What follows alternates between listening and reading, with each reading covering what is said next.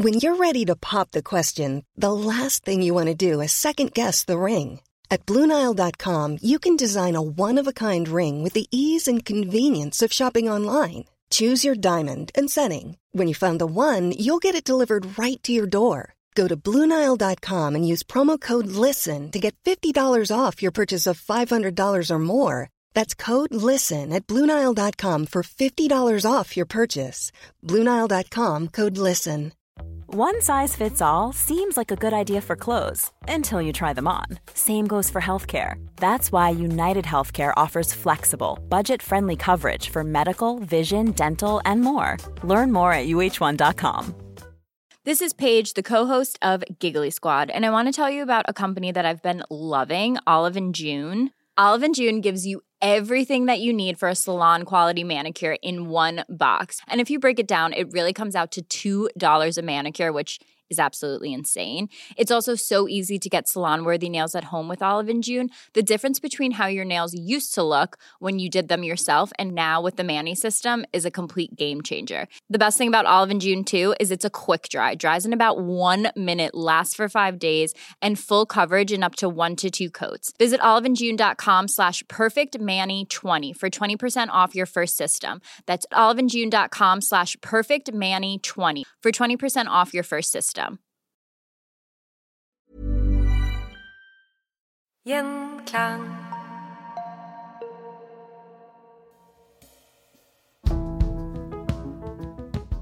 Velkommen tilbake til historier som endret verden. Vi snakker fortsatt om sykdom, og for ulike pester og epidemier og pandemier har jo tatt livet av utrolig mange mennesker opp gjennom historien. Mest kjent for oss eh, kanskje ja, svartedauden. Men i 1918 så dukker det opp en uh, veldig smittsom og dødelig sykdom, men det var ikke en pest. Nei, det er det vi snakker om som spanskesyken. Den uh, hadde sin, uh, sin hoved, hovedtid da i 1918 og 1919, og er den, den er ja, de første virkelig globale pandemiene, altså. Den spredte seg rundt til absolutt hele verden. Og det er folk som har forsøkt å beregne hvor mange som kan ha dødd av spanskesyken i løpet av de to årene. Og anslagene varierer mellom 50 millioner og 100 millioner mennesker. Så i forhold til svartedauden så er jo dette her mye verre. Men nå bodde det jo ganske mange flere mennesker i, i verden da, rundt 1918 enn det gjorde i uh, 1349. Men uh, den er altså igjen en sånn virus, da. Det er et influensavirus som da har egenskaper som gjør at de er litt, litt mer dødelige enn den vanlige sesonginfluensaen. Akkurat den samme typen eh, virus, H1N1, som vi snakker om. Men eh, den var altså mye verre. Og selv om den heter eh, spanskesyken, eller vi kaller det det, så kom den ikke fra Spania? Nei, det ble kalt for spanskesyken antagelig fordi at vi er jo i avslutningen av første verdenskrig. Og Spania var en av de få landene som var nøytrale. Og eh, den spanske kongen til og med ble syk av spanskesyken. Og der hadde de ikke sensur på nyhetene. Sånn at nyhetene om spanskesyken kom først i Spania. Og det ble kalt det for, kalt det for spanskesyken. Det kan ha hatt opphav i, eh, i militære, militære forlegninger i USA. Den kan ha hatt utgangspunkt i Kina, men eh, tror kanskje at de amerikanske militære forlegningene er de som er uh, oppfatta som de største skurkene her. Og spanskesyken passer jo også veldig godt til det samfunnet den kommer til. Ja. Fordi at uh, nå har vi jo opp, opphøret av første verdenskrig. Og det medfører jo en voldsom uh, migrasjon, altså troppeforflytninger. Folk reiser fram og tilbake. Alle soldatene skal hjem fra skyttergravene, hvor de har hatt gode vilkår for uh, influensa. Og så kommer de hjem, og så sprer de det videre. Og i tillegg så har man da utviklingen av moderne transportmetoder. Så dampskip, jernbane, som gjør at folk kan reise fort og fort, fint, uh, overalt i hele verden. Og uh, Hurtigruta, ja. som jo er en nyskapning akkurat da, den er en viktig formidler av spanskesyken fra Sør-Norge, hvor de første angrepene kommer, og helt til eh, Kirkenes, altså, hvor eh, Nordland, Troms og Finnmark får eh, ganske hurtig spanskesyken takket være Hurtigruta. Spanskesyken minutt for minutt. ja, det kan man si. Hvordan ble man kvitt spanskesyken? Gikk den over av seg selv, eller ja, Spanskesyken er jo en virusinfeksjon. Og eh, de, hovedregelen for virusinfeksjoner er at det ikke fins legemidler mot dem. Det er noen unntak, men uh, de, alle pasientene måtte da bare vente og se om det gikk over. Nå er dødeligheten eh, forholdsvis lav uh, for uh, spanskesyken. Det er regnet med sånn, kanskje under 2% som dør av det. Men hvis uh, smittsomheten er veldig høy, ja. så vil det være veldig mange syke. Så da vil det jo dø ganske mange, fordi at den sprer seg veldig fort og effektivt, den, akkurat som covid, gjennom lufta. og vi regner med at kanskje 15 000 mennesker som døde av spanskesyken i Norge da, til sammen. Så det er et veldig høyt tall.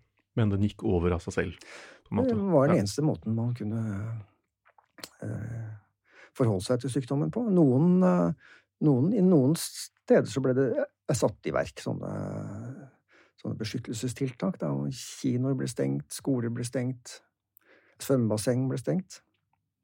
Men de var, eh, de var litt famlende, de tiltakene. Det hadde antagelig sammenheng med at man ikke kjente til virus så veldig godt. Jeg kunne mye om bakterier, men eh, kunnskapen om virus kommer først på 1930-tallet. En annen sykdom også på den tiden var polio. For det ble ganske alvorlig i Norge, så vidt jeg forsto? Ja, eh, polio er jo en sykdom som kommer, eh, som kommer med ganske store utbrudd på 1950-tallet. Og det er jo et av de, et av de litt sånn rare paradoksene også, da, at når vi nå tenker at nå har vi kvitta oss med en del sykdommer, vi har fått kontroll over, uh, over uh, tuberkulose, vi har bakteriologien som teoretisk uh, rammeverk for å knekke den, og så kommer spanskesyken. Mm. Ikke sant? Og så har vi etter andre verdenskrig så kommer mulighet for å kurere de aller fleste bakterielle infeksjonene med antibiotika, og spesielt tuberkulose med BCG, så tenker man at nå, nå er vi kvitt disse pandemiene. Mm. Og så kommer polio. Polio er ikke noe helt ny sykdom. Det fins uh, utbrudd av polio på 1800-tallet også. Men da den kommer uh, etter krigen, altså på 50-tallet, så kommer det nærmest som en bombe. Altså, vi har sett en annen vei. Og, og, og tenker at nå har vi kvitta oss med sykdommene. Vi eh, lever hygienisk og fint. Og så kommer denne polioen, da, som, eh, som, medfører at en god del barn får, får, lammelser. Og noen dør også. Grusom sykdom som, uh, som da heldigvis blir gjenstand for vaksinasjonskampanjer. Det, det viste seg at det var ganske lett å utvikle vaksine mot polio. Den kommer da i 1954. Da blir eh, Det kommer også da en lov som sier at, eh, at poliovaksine skal være obligatorisk. Jeg har sett bilder av, eh, i avisene av den første transporten med poliovaksine som kommer til Fornebu flyplass, nærheten av Oslo. Da står pressefotografene oppå hverandre da, for å fotografere de der pappkassene som, som da skal redde, redde, verden fra polio. Og det var også et, et veldig effektivt da med denne, denne poliovaksinen. Polio er også en sykdom som, som har mennesker som, som hovedvert. Har vi greid å utrydde den i nærheten av den? Nei, ikke Nei. helt. Men uh, jeg tror nok at uh, eh, WHO har, har, polio øverst på den lista hvis de skal, uh, hvis de skal erklære at enda en, en sykdom er utryddet. Og nærmere vår tid så kom vi da med hiv og aids og covid, var det nå den siste. Det ser ut som at det, det alltid dukker opp noe. Ja, hiv og aids er jo en skummel ting som har det til felles med spanskesyken og poliomyelitt at den kommer som lyn fra klar himmel. Tenk deg på 1960-70-tallet, så hadde man da kvitta seg med veldig mange av sykdommene. Og tanker om at uh, kjønnsliv skal være begrensa. Vi har denne flower power-generasjonen, da, med forestillinger om at man ikke nødvendigvis trenger å vente med sex til uh, etter ekteskapet. Og uh, prevensjonsmidler som kondomer blir da først og fremst brukt for å unngå uønskede svangerskap. Og så kommer det da nyheter om at det er en sykdom som man ikke skjønner helt hva er for noe, men som først og fremst rammer homofile menn. Og den kommer fra øh, antagelig fra Afrika, blir spredt til eh, USA, og i, særlig da i kolonier, eller i deler av USA hvor, hvor Homofili har uh, gode vilkår, eksempel i eh, San Francisco. Så uh, begynner folk å oppdage da, at det er mange som dør av en sykdom som de ikke aner noe om hva er for noe. Og det blir en ganske stor oppstandelse rundt det. I, uh, i Norge på rundt midten av 1980-tallet så setter jo også Helsedirektoratet i gang med et prosjekt for å forsøke å bekjempe denne sykdommen, og da har de noen prognoser hvor de tenker at 30 000 mennesker kommer til å bli smittet av hiv og aids Oi. Eh, i løpet av kort tid. Eh, og da er jo forestillingen om at dette er en sykdom som smitter ved kroppskontakt. Og Eh, mange homofile menn blir da utsatt for, for ganske grove overgrep. Altså, man får ikke tannlegebehandling, man får sparken fra jobben sin. Før man da etter hvert finner ut uh, mer om sykdommen, som tilsier at det er bare noen av kroppsvæskene som inneholder hiv-virus, altså humant immunsviktvirus. Det er ikke svette, ikke spytt, Eh, så man kan gi en hiv-pasient en klem. Og hiv-viruset det virker på, på, på, den måten at det er jo ikke veldig farlig i seg selv. Hiv-viruset skaper ikke noe sykdom, men det setter ned immunforsvaret i kroppen. Så man blir utsatt for eh, angrep fra andre sykdommer som man vanligvis vil ha ganske stor motstandskraft mot. Og det er det vi snakker om som aids, mm. altså acquired immunodeficiency syndrome, som gjør at pasientene kan dø av veldig mange forskjellige sykdommer som ikke er farlige vanligvis, men bare hvis man har dette hiv-viruset i kroppen. Mm. Og der viser jo denne historien om, om, hiv og aids viser jo da hvordan eh, opparbeidelse av kunnskap også fører til at, eh, at hiv-pasientene blir mer humant, humant behandla gjennom eh, Særlig mot slutten av 80-tallet, hvor, eh, hvor, kunnskapen er såpass at man kan få man kan få regler, men ikke altfor strenge regler. Og nå er det jo sånn at man kan gi hiv-pasienter en, en cocktail av medisiner som gjør at de kan leve tilnærma normalt. I'm Sandra, and I'm just the professional your small business was looking for. But you didn't hire me because you didn't use LinkedIn jobs. LinkedIn has professionals you can't find anywhere else, including those who aren't actively looking for a new job but might be open to the perfect role, like me. In a given month, over 70% of LinkedIn users don't visit other leading job sites. So if you're not looking on LinkedIn, you'll miss out on great candidates like Sandra. Start hiring professionals like a professional. Post your free job on linkedin.com/people today.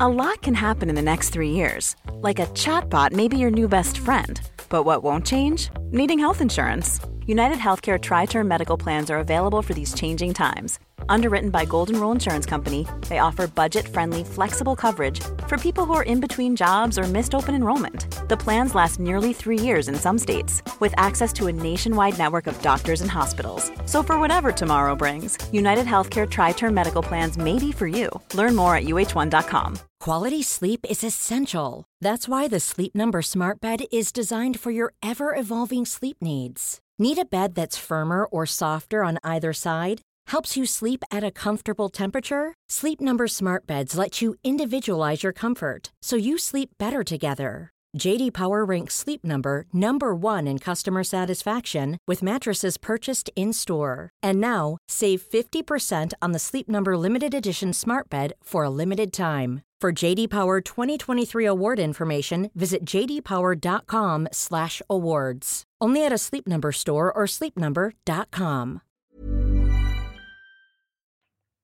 Men den kommer igjen altså som en sånn, en sånn bombe. Når vi trodde at vi, kvitt, at vi var kvitt disse pandemiene, Mm. så kommer altså hiv og aids som uh, Det spøkelse. Det skjedde jo også nå med, med covid.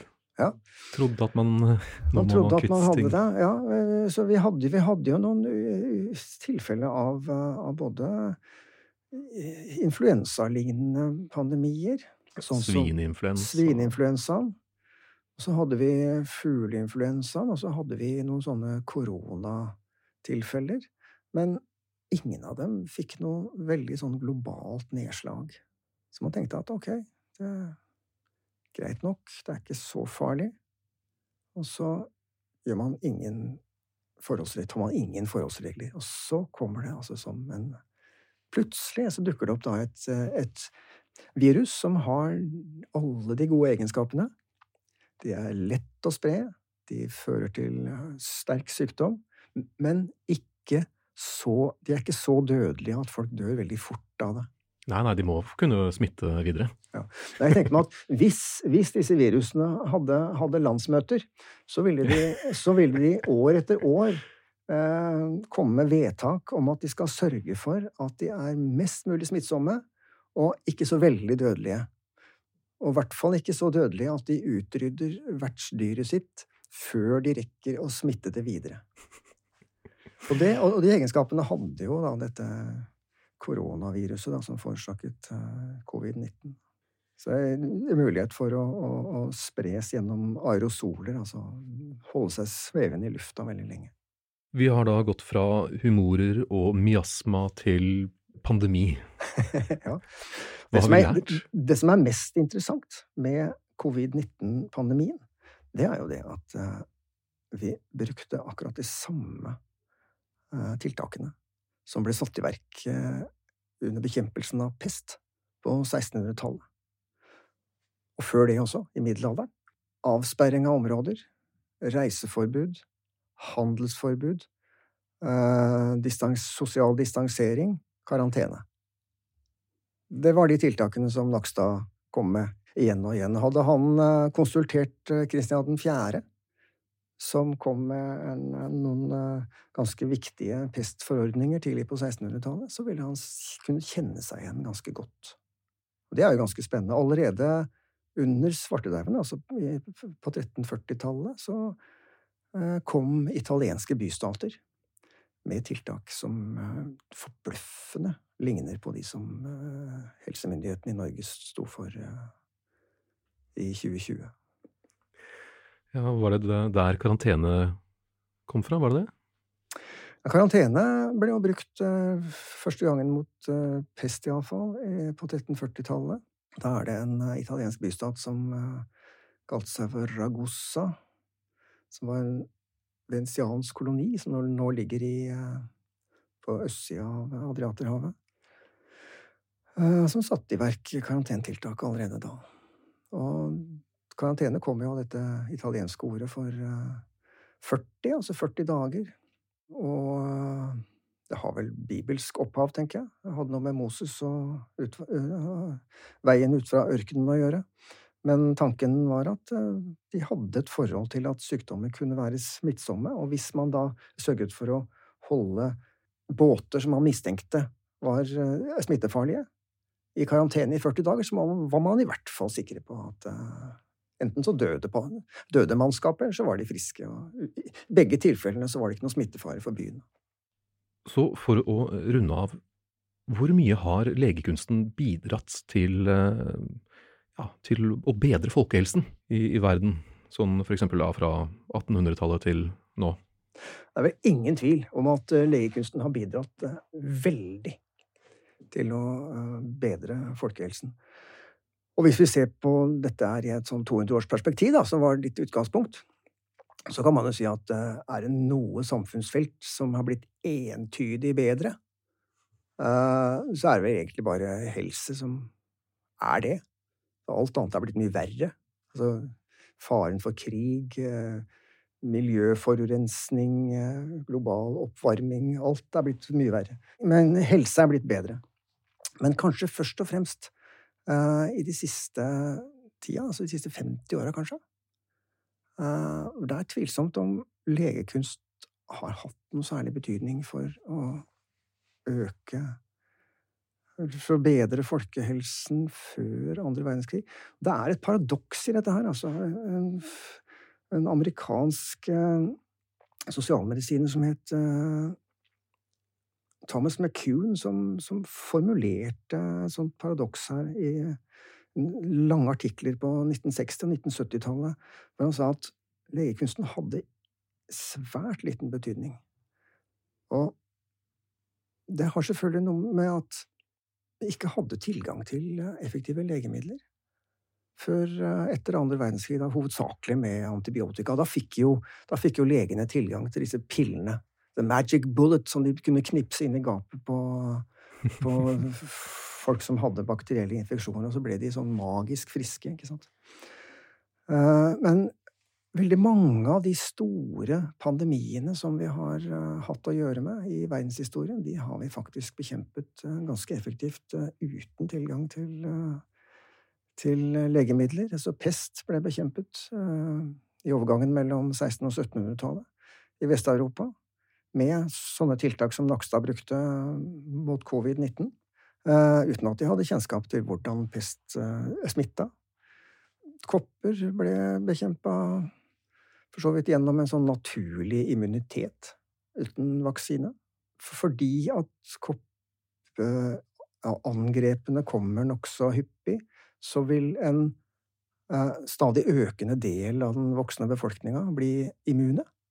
Så er det bare barn som er utsatt. Hm. Kolera ble bekjempa gjennom eh, erfaringer uten kjennskap til eh, bakteriologien sluttet å være en, eh, en, alvorlig trussel i Europa, i hvert fall innen 1870. Uh, eh, tuberkulose ble bekjempet effektivt gjennom mellomkrigstida, uten tilgang til antibiotika og, eh, og BCG-vaksine, gjennom altså opplysningsvirksomhet. Så det er et rart paradoks, det der.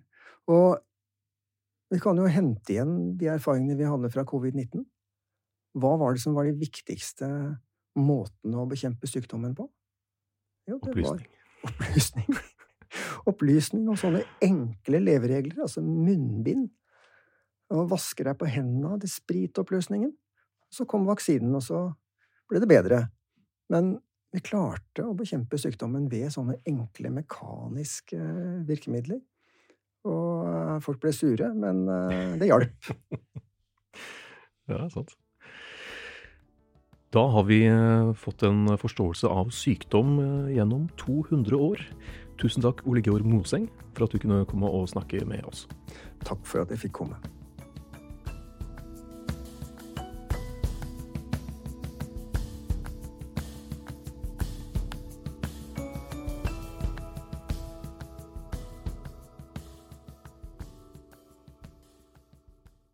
Gjenklang.